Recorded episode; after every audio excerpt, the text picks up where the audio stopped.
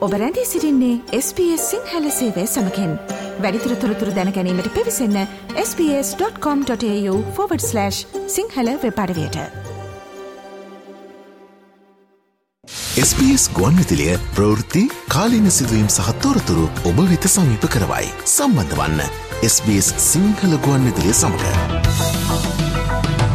සහරාන් කියන පුද්ගලයා මෛත්‍රීපාල සිරිසේන ජනාධිපතිතුමාගේ වේදිකාවේ ඉබ්‍රහීම් කියන පුද්ගලයා ජනතා විමුක්ති පෙරමුණේ ජාතික ලයිස්තුවේ අපි කිසි සාවකත්සක විශ්වාස කරන්න බෑ මෛත්‍රීපාල මහත්තයාගේ වේදිකාවේ හිටපු කෙනෙක් මහින්ද රාජපක්ෂ පරද්දා. ජනතා විමුක්ති පෙරමුණේ ජාතික ලයිස්තුවේ හිටපු කෙනෙක්ගේ පුතෙක් ගෝඨාභය රාජපක්ෂ ජයග්‍රහණය කරවන්න ජීවිත හතක් මරාගෙන මැරෙන්න කටයුතු කරයි කියලා මෙතනින් තමයි රාජපක්ෂලා ගේන්න මතය හැදුවේ ලංකාව. මම දන්නේ රනිල් වික්‍රමසිංහට පොන්දක් තියෙයිද කියලා මේක කරන්න. අසාත් බවුලාවනවා. එයාව ලංකාවට ගෙනල්ලා අපි ආරක්ෂාව තහවුරු කරලා සම්පූර්ණ ජාත්‍යන්තර නියෝජිතව ගෙනල්ලා දාන්න. චැනල් ෆෝ නාලිකා විසින් ශ්‍රී ලංකාවේ සිදුවනු පාස්කු ප්‍රහාරය සම්බන්ධව හෙළිදරව් කරමින් ඉදිරිපත් කරපු වීඩියෝ පටය හා සබඳනු කාරණා කෙරෙහි තමයි මේ ගෙවිලගේ සතියත් ශ්‍රී ලංකාවේ දේශපාලන ශේත්‍රයේ ප්‍රධාන වශයෙන් අවධානය යොමු වෙලා තිබුණේ.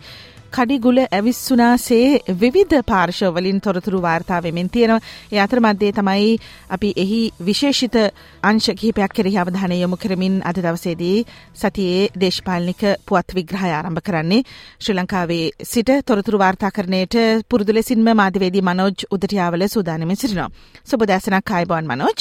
අයිබෝන් සුබදෑසනක් දිල්රුක්ෂි දැන් අපිට වාර්තා වෙනවා channel 4 එක මගින් ඉදිරිපත් කරපු මේ වීඩියෝ පටයෙන් හෙළිදරව් වුණු කරුණු කෙරෙහි ජනාධිපතිවරයාගේ විශේෂිත අවධානයක් යොමු වෙලා තියෙනවා කියලා. ඒ සම්බන්ධව ඔහු ඉදිරි ක්‍රියාමාර්ග ගැනීමටත් සූදානම් කියලායි සූදානම් වන්නේ. කොයි විදිහෙන්ද? මොන විදිහෙන්ද මේක වාර්තා වෙන්නේ? ඔදැන් මේ පෞගේ දිනවල සිදුවුණු සිද්ධිත් එක්ක අවසානයේ ජනාධිපතිවරයා එහෙම තීරණයකට ඇවිල්ලා තියෙනවා. දැන් ඔය වීඩියෝව සම්බන්ධයෙන් ආරක්ෂක අමාත්‍යාංශයත් කරුණු ඉදිරිපත් කරලා තිබුණා. ඔවුන් මේ හරහා ඉදිරිපත් කළ තියෙන චෝදනා අසත්‍ය චෝදනා කියලා සඳහන් කරලා තරේ මේ චෝදනා ප්‍රතික්ෂේප කරන බව කියලා තියෙනවා. සත්‍ය යුක්තිය ජාතියේ පැවැත්ම මේ කාරණා වෙනුවෙන් රජයේ කැපවීම ආයමත් අවධාරණය කරනවා කියලා ආරක්ෂක අමාත්‍යංශය නිකුත් කරපු නිවේදනයේ තියෙනවා. ඕනම පුද්ගලයෙක් ආයතනයක් සිද්ධ කරන අදහස් ප්‍රකාශ කිරීමේ අයිතියට ගරු කරත් චැනල් ෆෝ නාලිකාව ඉදිරිපත් කරලා තියෙන පදනම් විරහිත ද්වේෂ සාගත දුර්වල විදිහට සනාත කරපු ප්‍රකාශයන්ගෙන් මතුවෙන ඕනෑම අපේක්ෂිත ක්‍රියාවක් ප්‍රතිවිපාකයක් සඳහා චැනල් ෆෝ නාලිකාව නිසැකෝම වගකිව යුතුයි කියන කාරණය ආරක්ෂක අමාත්‍යංශය නිකුත් කරපු නිවේදනයේ වචන වලින්ම සඳහන් කරනවා නම් ඒ ආකාරයෙන් ඔවුන් සඳහන් කරලා තියෙනවා. මේ ප්‍රකාශය පිළිබඳව කතෝලික සභාව ඔවුනුත් ප්‍රකාශයක් කරලා තිනවා ඔවුන් කියන්නේ මේ ආරක්ෂක අමාත්‍යංශය නිකුත් කරපු නිවේදනය පිළිගන්න බෑ. ඒ වගේම මේ ප්‍රහාරය ගැන ආරක්ෂක අමාත්‍යංශයයි විමර්ශන සිද්ධ කරපු ජනාධිපති කොමිෂන් සභා වාර්තාවයි අතර පරස්පරතා තියෙනවා කියලා කතෝලික සභාව වෙනුවෙන් ජූඩ් ප්‍රශාන්ත පියතුමා සඳහන් කරලා තියෙනවා.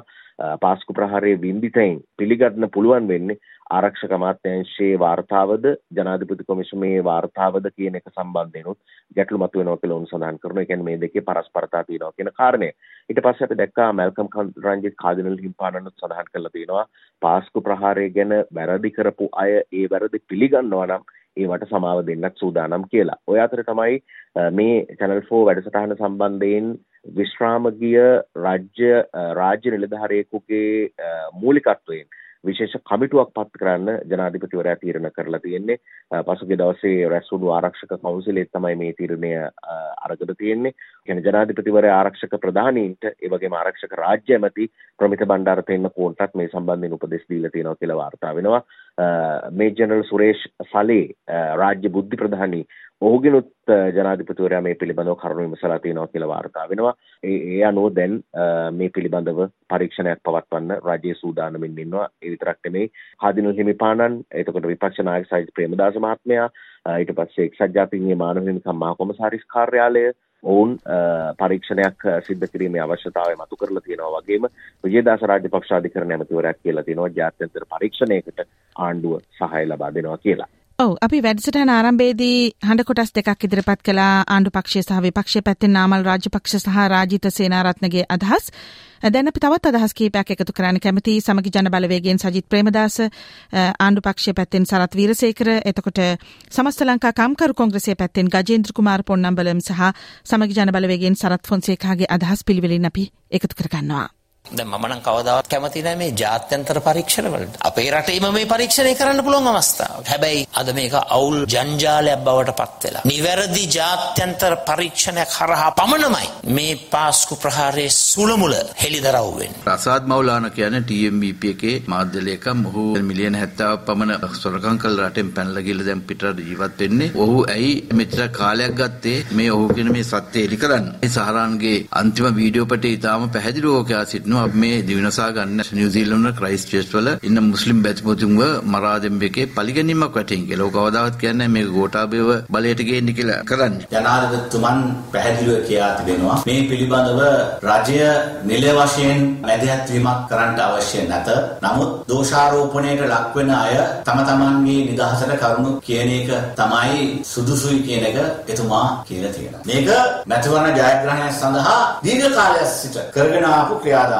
අවුරුදු 3-4ක් තිස්සේ මේ ව්‍යාපෘතිය ක්‍රියාත්මක කිරීමට සූදානමක් තිබුණායි කියන එක මේකෙන් පැහැදිලි වෙනවා. රාජපක්ෂ පාර්ශ්වයෙන්ම මේකට වැරදිකරු හැටියට ඉන්නකොට ඒ පාර්ශ්වයන්ම කමිටුවේ බහුතරයක් උත් ඉඳගෙන ඇත්ත එලිතරව් කරයි කියලා කවුරුත් බලාපොරොත්තු වෙනවා ඒකට වඩා මෝඩකමක් තියාගන්න බෑ. මේ රජයේ තියෙනකම් ඒගොල්ලන්ට අභියෝග කරන්න පුළුවන් උඩ පයින්න පුළුවන් මට බලයක් හම්බෙච්ච දවසට මම ඒ අභියෝග කරන ඔක්කොටම හරියට උත්තර දෙනවා. එදාට පාස්කු ප්‍රහාරයේ පිටිපස්සේ ඉන්න මහමොලකාරයෝ අරමොලකාරයෝ කුඩාමොලකාරයෝ ඔක්කොම ටික පෙළියට තියලා අල්ලලා අපි ගන්න ඕන පියවර ගන්නවා.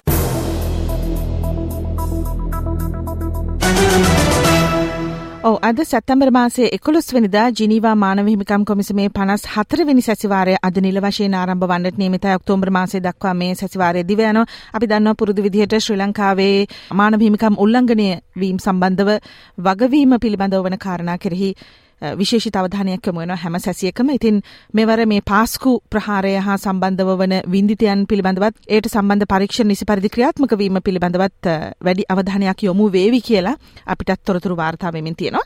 ඒ අතරතුරේදී මනෝජ් මං අර දැනගන්න කැමති දැන් නීතිපතිවරයා හිටපු නීතිපතිවරයා දප්පුල දෙලිවේරා මහතා එක්තරා අවස්ථාවකදී ප්‍රකාශ කළා තිබුණ මේක මේ සංවිධානාත්මක ආකාරයකට ක්‍රියාත්මක වුණු ප්‍රහාරයක් කියලා. දැන් මේ පිළිබඳව නැවතත් ජනතා අවධානය සහ දේශපාලන ශේත්‍රයේ අවධානය යොමු වුණා. ඔහුගෙන් යළිත් ප්‍රශ්න කරන්න යනවා කියලා තමයි තොරතුරු වාර්තා වෙන්නේ. කොහොමද මේක වෙන්න යන්නේ? මොනවද මේ පිළිබඳව තියෙන කතාබහ? ඔව් ජනාධිපතිවරයාත් ඔය පහුගිය දවස්වල නිකුත් කරපු කාරණාවලත් මම දැක්ක ජනාධිපතිවරයා ප්‍රකාශය පිළිබඳවත් අදහස් දක්වලා තියෙනවා. ඒ කියන්නේ සමාජයට යම් කැළඹීමක් ඇති කරන ආකාරයේ එවැනි ප්‍රකාශ සිද්ධ කිරීම පිළිබඳවත් ඔහුගෙන් කරුණු විමසිය යුතුයි කියන කාරණාව එහිදී දක්වලා තියෙනවා. ඒ වගේම තවත් තැන්වල කියවෙනවා එතුමා Tamanගේ ධූරයෙන් නික්ම ගියාට පස්සේ අවසාන කාලේ මෙවැනි ප්‍රකාශ සිද්ධ කිරීම හරහත් මොකද්ද සිද්ධ වුනේ කියලා නැවත සොයා බැලිය යුතුයි කියන කාරණය මතු කරලා තිබුණා. ඔව් අපි දන්නවා ඒ වගේම මේ පාස්කු ප්‍රහාරය සම්බන්ධව චෝදනා එල්ලවනු හිටපු පොලිස්පති පූජි ජයසුන්දර සහ හිටපු ආරක්ෂක ලේකම් හේමසිරි ප්‍රනාන්දු කියන දෙදෙනාට සිර දඬුවම් නියම වෙලා තිබුණා. නමුත් ඔවුන් දෙදෙනා අවසාන වශයෙන් නිදොස් කොට නිදහස් කරනු ලැබුවා. ඒට එරෙහිව නීතිපතිවරයා විසින් අභියාචනයක් ඉදිරිපත් කළ තිබුණ නැවතත් මේ පිළිබඳව සලකා බලන්න කියලා. ඒ පිළිබඳව යම් ක්‍රියාමාර්ගයක් උසාවිය පැත්තෙන් අපිට වාර්තා වෙනවා. ඊට අමතරව පාර්ලිමේන්තුව පැත්තෙන් මේ සම්බන්ධව විවාදයක් ඉල්ලලා ලොකු ඉල්ලීමක් තියෙනවා. මේ පාර්ශව දෙක පැත්තෙන් මොනවද මේ වෙනකොට අද උදේ වෙනකොට වාර්තා වෙන අලුත් තොරතුරු මනෝජ්? ඔදිලුක්ෂ අපි දැක්කා පාස්කු ප්‍රහාරය එල්ල වෙන්න තියෙනවා කියලා බුද්ධි තොරතුරු ලැබිලා තියෙද්දි මේ ප්‍රහාරය වළක්වා ගන්න කටයුතු නොකිරීම නිසා සාපරාධී විදියට රාජකාරිය පැහැර හැරීමේ චෝදනාවලින් කියන්නේ එහෙම චෝදනා ගොනු කරලා තිබුණා. ඒ චෝදනාවලින් හිටපු පොලිස්පති පූජිත් ජයසුන්දර ඒ වගේම හිටපු ආරක්ෂක ලේකම් හේමසිරි ප්‍රනාන්දු නිදොස් කොට නිදහස් කරා. ඒ කොළඹ මහාධිකරණය ලබා දුන්නු තීන්දුවක් අනුව මේ තීන්දුවට එරෙහිව නීතිපතිවරයා ඉදිරිපත් කරලා තිබුණු අභ්‍යාචනයේ තීන්දුව ප්‍රකාශයට පත් කිරීම ශ්‍රේෂ්ඨාධිකරණය දින නියමයක් නොමැතිව කල් දාලා තියෙනවා. ඉතින් ඒ අනුව ඒ පිළිබඳව තීරණයක් නැවත ලබා දීම ඉදිරියට සිදුවේවි ඊට දිනයක් ලැබිලා නැහැ. ඒ වගේම මේ පාස්කුරු දින ප්‍රහාරයයි ජාතික ආරක්ෂාවයි පිළිබඳ පාර්ලිමේන්තු විවාදයක් ලබන 21 22 කියන දවස් දෙකේ පවත්වන්න පාර්ලිමේන්තු කටයුතු පිළිබඳ කාරක සභාව තීරණය කරලා තියෙනවා මේ යෝජනා වර්ගනාවේ විපක්ෂය ඒ අනුව පාර්ලිමේන්තු විවාදය සැප්තැම්බර් මාසේ 21 22 කියන දවස් දෙකේ පැවැත්වේ.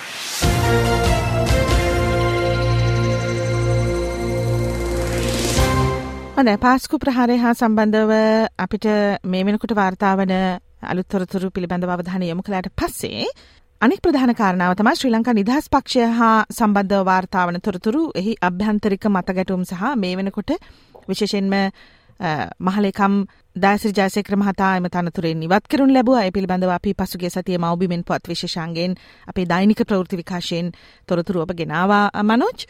දැන් මොකද වෙන්නේ? ශ්‍රී ලංකා නිදහස් පක්ෂය ඇතුලේ දාසිරි ජයසේකර මහතා සම්බන්ධව ගත්ත තීන්දුවට මොකද වෙමින් යන්නේ එතකොට මේ නීති ක්‍රියාමාර්ග ගැනීමක් පිළිබඳවත් කතා බහක් තිබුණා. එහි අලුත් තොරතුරු මොනවද? ඒ ගැනයි මීළඟ අවධානය. ඔව් දැන් ශ්‍රී ලංකා නිදහස් පක්ෂයේ මහලේකම්වරයාව ඉවත් කරලා තියෙනවා. ඒ වගේම පක්ෂ ව්‍යවස්ථාවට අනුව ජනාධිපති දුරය අවසන් වුණාට පස්සේ පක්ෂයේ සභාපති දුරේ කටයුතු කරන්න තහනම් කියලා සඳහනක් තියෙනවා. ඒ එහෙම ජනාධිපති දුරයෙන් ඉවරුණාට පස්සේ පක්ෂයේ අනුශාසක විදිහටයි කටයුතු කළ යුත්තේ කියලා පක්ෂයේ යම් කොන්දේසියක් තියෙනවා කොමුණත් මේ වර්තමානයේ ශ්‍රී ලංකා නිදහස් පක්ෂයේ සභාපතිවරයා ව්‍යවස්ථාව උල්ලංඝනය කරලා කටයුතු කරනවා කියලා ඒකට එරෙහිව පක්ෂ සමාජිකයෙක් ඔහුගේ නම මොන්ටෙකු සරච්චන්ද්‍ර කියලා පුද්ගලයෙක් නඩුවක් පවරලා තියෙනවා මේ නඩුවෙන් යම් විදිහට පක්ෂ සභාපති දුරෙන් මෛත්‍රීපාල සිරිසේන හිටපු ජනාධිපතිවරයාට ඉවත් වෙන්න වුණොතින් පක්ෂ මහලේකම්වරයාට පක්ෂේ නායකත්වය හම්බ වෙනවා. මෙවැනි තත්ත්වයක් නිසා ඒ නඩු තීන්දුවට කලින් මහලේකම්වරයා ගැනත් තීන්දුවක් ගත්තද කියන කාරණයකුත් මතුවෙලා තියෙනවා. හිටපු ජනාධිපති මෛත්‍රීපාල සිරිසේන මහත්මයාත් සමහර තැන්වල කියලා තිබුණා පක්ෂ බලය ගන්න කටයුතු කරා කියලා දයසිරි ජයසේකර පක්ෂ මහලේකම්වරයා ඉතින් මේ දෙක අතර සම්බන්ධයක් තියෙනවද කියලා සමහර තැන්වල ප්‍රශ්න කරලා තියෙනවා අපි දැක්කා. කොමුණත් තමන්ට සිද්ධ වෙච්ච අසාධාරණය ගැන දයසිරි ජයසේකර පාර්ලිමේන්තු මන්ත්‍රීවරයා මාධ්‍ය හමුවකුත් තිබ්බා. එහිදී ඔහු කිව්වා තමන් මෛත්‍රී පාල සිරිසේන ජනාධිපතිවරයාට සැලකුවේ තාත්තා කෙනෙකුට වගේ. නමුත් තාත්තා තමන්ගේ බෙල්ල කැපුවා කියන කාරණය ඔහු සඳහන් කළා. කොමුණත් දයසිරි ජයසේකර මන්ත්‍රීවරයා වෙනුවෙන් නිදහස් ජනතා සන්ධානය පෙනී ඉඳලා තිබුණා. ඔවුන්ගේ රැස්වීමකින් පස්සේ ඔවුන් මේ පිළිබඳව ලිඛිතව ශ්‍රී ලංකා නිදහස් පක්ෂයට දන්වලා තිබුණා. ඒ වගේම මෙහෙම රැස්වීමක් පවත්වන අවස්ථාවට හිටපු නියෝජ්‍ය කතානායක තිලංග සුමතිපාල හිටපු පාර්ලිමේන්තු මන්ත්‍රීවරයාත් සහභාගී වෙලා තිබුණා. ඔවුන් මේ රැස්වීම තියලා මෛත්‍රීපාල සිරිසේන හිටපු ජනාධිපතිවරයාට ලිපියක් යොමු කරාට පස්සේ තිලංග සුමතිපාල මන්ත්‍රීවරයාට දුරකථනයෙන් මෛත්‍රීපාල සිරිසේන මැතිතුමා කතා කරලා යෝජනා කරලා තියෙනවා කියලා වාර්තා වෙනවා. මහලේකම් දුරේ ඇර වෙනත් තනතුරක් දැසිරි ජයසේකර මන්ත්‍රීවරයාට දෙමු කියලා. ඒ ගැන තිලංග සුමතිපාල මන්ත්‍රීවරයා අදහසක් දක්වලා නැහැ. ඒක දැසිරි ජයසේකර මන්ත්‍රීවරයාට කිව්වට පස්සේ ඔහු කියලා තියෙනවා Taman මහලේකම් දුරේට සුසු නැත්තම් වෙනත් තනතුරක් එපා කියන කාරණය ගැන.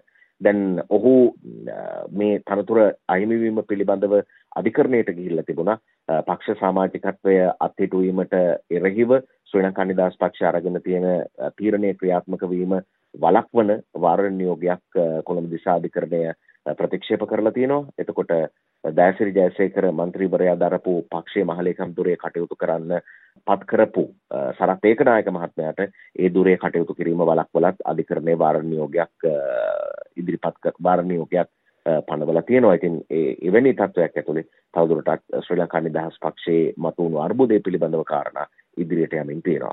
SBS ගුවන්විතිලිය ප්‍රවෘත්ති කාලීන සිදුවීම් සහ තොරතුරු ඔබ වෙත සමීප කරවයි. සම්බන්ධ වන්න SBS සිංහල ගුවන්විතිලිය සමඟ. පසුගේ කාලවකවානුවේ ශ්‍රී ලංකයේ දේශපාලනයේ යම් අවධානයක් තිබුණා දූෂණ විරෝධී පනත සම්බන්ධව විවිධ අවස්ථාවලදී පාර්ලිමේන්තු සැසිවලදී මේ සම්බන්ධව කතාබහ කරනවා අපි දැක්ක එක පාර්ලිමේන්තුවට ඉදිරිපත් කලාට පස්සේ යම් සංශෝධන අවශ්‍යයි කියලත් ඉල්ලීම් තිබුණා දූෂණ විරෝධී පනත කවදයි නන්ද ක්‍රියාත්මක වෙන්නේ? මේ පනතට ඇතුළත් වුණු අලුත් සංශෝධන මොනවද කියලා අවධානයට ලක් කරමු. මේ සතියේ ඒ සම්බන්ධයෙන් විශේෂිත සතියක් වන නිසා. මනෝජ්? ඕදලුක්ෂය මේ දූෂණ විරෝධී පනත පාර්ලිමේන්තුවේ පහුගිය දිනවල සම්මත වුණා. මේ පනතේ විධිවිධාන සැප්තැම්බර් මාසේ 15 වෙනිදා ඉඳලා ක්‍රියාත්මක වෙනවා කියලා අතිවිශේෂ ගැසට් නිවේදනයක් නිකුත් කරලා තියෙනවා. බන්ධනාගාර අධිකරණ කටයුතු ආණ්ඩුක්‍රම ව්‍යවස්ථා ප්‍රතිසංස්කරණ අමාත්‍යවරයා විදිහට විජේදාස රාජපක්ෂ ඇමතිවරයා ඒ අනුව දූෂණ විරෝධී පනත ඉදිරියට 15 වෙනිදා ඉඳලා ක්‍රියාත්මක වෙනවා. එතකොට අපිට කලිනුත් වාර්තා වුණා මේ ජාත්‍යන්තර මූල්‍ය අරමුදලක් කියලා තියෙනවා කියලා දූෂණ විරෝධී පනතක් ගේන්න ඕන කියලා මේ ඒ නිසාත් මේ දූෂණ විරෝධී පනත ගෙන එන්න ආණ්ඩුව කඩිනම් වුණා කියලා පහුගිය දිනවල සාකච්ඡා කළා. අලුත් පනතින් වෙනස්කම් කීපයක් සිද්ධ කරලා තියෙනවා. ලිංගික අල්ලස් ගැනීම පෞද්ගලික ආයතන තුළ සිදුවන අල්ලස් අලුත් පනතෙන් විශේෂයෙන් සඳහන් කරලා තියෙනවා. තුටු පඩුරක් වුණත් අල්ලසක් කියන එක හඳුන්වලා තියෙනවා. එතකොට මුදලක් වෙන්නත් පුළුවන් වෙන හරි දෙයක් වෙන්නත් පුළුවන් රස්සාවක් වගේ වෙන්නත් පුළුවන්. මේ සියලු කාරණා අල්ලස් හැටියට අර්ථකථනය කරලා තියෙනවා. එතකොට ලිංගික අනුග්‍රහයක් තියෙන කාරණය කලින් ලංකාවේ මෙවැනි නීතිය ඇතුළේ හඳුනාගෙන නැති වුණත් මෙවර ලංකාවේ නීතිය ඇතුළේ ලිංගික අනුග්‍රහයත් අල්ලසක් විදිහට හඳුන්වලා දීලා තියෙනවා.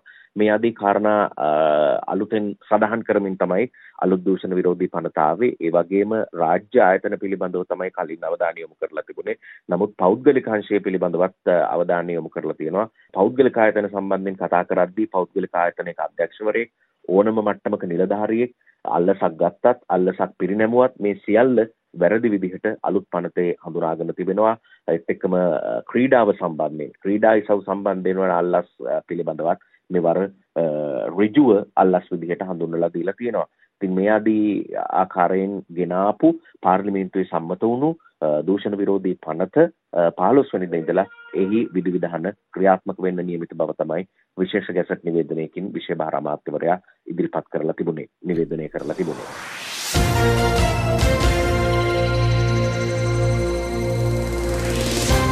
පසුගිය සතියේ පාර්ලිමේන්තුවේ දින තුනක් වෙන්නුනා ශ්‍රී ලංකාවේ සෞඛ්‍ය අමාත්‍යවරයා කෙහෙලිය රඹුක්වැල්ලට එරහිව ගෙනාපු විශ්වාසභංගය වෙනුවෙන්. දින තුනක් තිස්සේ වාද විවාද පැවැත්වුණා කෙසේ හෝ දැන් ඔබ දන්නවා අන්තර්ජාල මාධ්‍ය හරහා ප්‍රවෘත්ති බලනායට මේ කාලුත් දෙයක් නෙමේ විශ්වාස භංගය පරාජයට පත් කරන්නට ආණ්ඩු පක්ෂය සමත් වුණා. නමුත් මේ වටා ගැටගැසෙන කරුණු කීපයක් කෙරෙහි අවධානය යොමු කරන්න කැමති අද සාකච්ඡාවේ අවසාන අවධානය විදිහට දැන් මේ විශ්වාස භංගයක් ගෙන එනකොටම බොහෝ දෙනෙක් කිව්වනේ මේ බහුතර බලය ආණ්ඩු පක්ෂයට තියෙන හන්ද මේක ගෙනීමේ තේරුමක් නැහැ කියලා. හැබැයි විපක්ෂය ගෙනාපු මේ විශ්වාස භංගය හරහා උනේ මොකක්ද? එතකොට මේ දේශපාලන ශාස්ත්‍රයේ මේ සම්බන්ධව තියෙන කතාබහ සහ සෞඛ්‍ය ශාස්ත්‍රයේ සම්බන්ධව අලුතින් අවධානයට ලක්වුණු ඉසව් මොනවද කියලත් අවධානයට ලක් කරමු. කෙහෙලිය නබුකල්ලට එරහිව ගෙනාපු මේ විශ්වාස භංගයේ තොරතුරුත් එක්ක මනෝජ්. ඔදලුක්ෂයේ අරගනාපු විශ්වාස භංගය වැඩි ඡන්ද 40කින් පරාජයට පත් වුණා. යෝජනාවට විරුද්ධව ඡන්ද 113ක් හම්බ වුණා. විශ්වාස භංග යෝජනාවට පක්ෂව ඡන්ද 73ක් ලැබිලා තිබුණා. සමග ජනබලවේගයේ ජාතික ජනබලවේගයේ දෙමළ ජාතික සංධානයේ මේ අය විශ්වාස භංග යෝජනාවට පක්ෂව ඡන්ද ලබා දීලා තිබුණා. විපක්ෂ මන්ත්‍රීවරුන් පවා පාර්ලිමේන්තු විවාදයේදී ඇතැම් අවස්ථාවල සඳහන් කළා කේරේ රඹුක්වැල්ල ඇමතිවරයා ඉවත් කරපු පමණින් සෞඛ්‍ය ක්ෂේත්‍රයේ ගැටලු විසඳින්නේ නැහැ කියලා දැන් සමහර කාරණා කාලයක් තිස්සේ පැන නැගුණු කාරණා නිසා. ඉතින් කොහොමුණත් විපක්ෂය සමගි ජනබලවේගය ඇතුළු කණ්ඩායම් ආණ්ඩුවට මේ දේවල් කියලා වැඩක් නෑ කියන මතයක් ඉන්නවා. අපි දැක්ක කාවින්ද ජයවර්ධන මන්ත්‍රීතුමත් ඒ පිළිබඳව සඳහන් කරලා තිබුණා. දැන් මොනවා වුණත් පාර්ලිමේන්තුවේ බහුතරය තියෙන නිසා ඡන්ද දිනලා ගේන කාරණා සමාජයේ කාරණාවලට අවධානය යොමු නොවෙනවාදෝ කියන සැකය මේ විපක්ෂයේ පැත්තෙන් මතු කරලා තිබුණා. ඒ වගේම අදහසක් තමයි ආවේ ඇමතිවරයා ඉවත් කරව පමණින් ප්‍රශ්න විසඳෙන්නේ නැහැ කියලා. සෞඛ්‍ය ඇමතිවරයාට විරුද්ධව මහජනතාවගේ පෙත්සමකුත් අරන් තිබුණා ඔවුන්ගේ අත්සන් එකතු කරලා මේ පාර්ලිමේන්තුව අසලදී සමගි ජන බලවේගයේ මන්ත්‍රීවරුන්ට බාර දුන්නා පෙත්සම සඳහා අත්සන් ලබාගත්තු කණ්ඩායම් මේ පෙත්සම. ඉතින් එය පාර්ලිමේන්තුවේදී කතානායකවරයාට විපක්ෂ මන්ත්‍රීවරුන් බාර දෙනවා. තවත් ප්‍රදේශ කිහිපයක විශ්වාස භංගය ජයග්‍රහණය කිරීම සම්බන්ධයෙන් සෞඛ්‍ය අමාත්‍යවරයාට සහයෝගය පළ කළා රතිඤ්ඤ පත්තු කිරීම පවා සිද්ධ වුණා. මේ සියල්ල වෙන්නේ ප්‍රශ්නය එක තැනක තියෙද්දි සමහර විට මේ ප්‍රශ්නයට සම්පූර්ණයෙන් සෞඛ්‍ය ඇමතිවරයා වක් කිව යුතු නැති වෙන්න පුළුවන්. කාලයක් තිස්සේ ප්‍රශ්නේ මතුවලා තිබුණා වෙන්න පුළුවන්. තත්ත්වයේ එසේ වුණත් විශ්වාස භංගය වැඩි ඡන්ද 40කින් පරාජයට පත් කරන්න ආණ්ඩු පක්ෂයට හැකියාව ලැබුණා. සූතිවන්ත වෙමින් අපි ඔබට සමුදනවා මනෝජ්. බොහොම ස්තුතියි ශ්‍රී ලංකාවේ දේශපාලන ක්ෂේත්‍රයේ යවත් කාලීන වන තොරතුරු සමගින් අදත් අපිත් එක්ක එකතුනාට එමනම් අපි ඔබව හෙට බලාපොරොත්තු වෙනවා. මව්බිමෙන් පුවත් අපගේ දෛනික ප්‍රවෘත්ති වාර්තාකරණය සමගින්. අයිබෝවන් බොම සූතිද ලුක්ෂි අයිබෝවන්.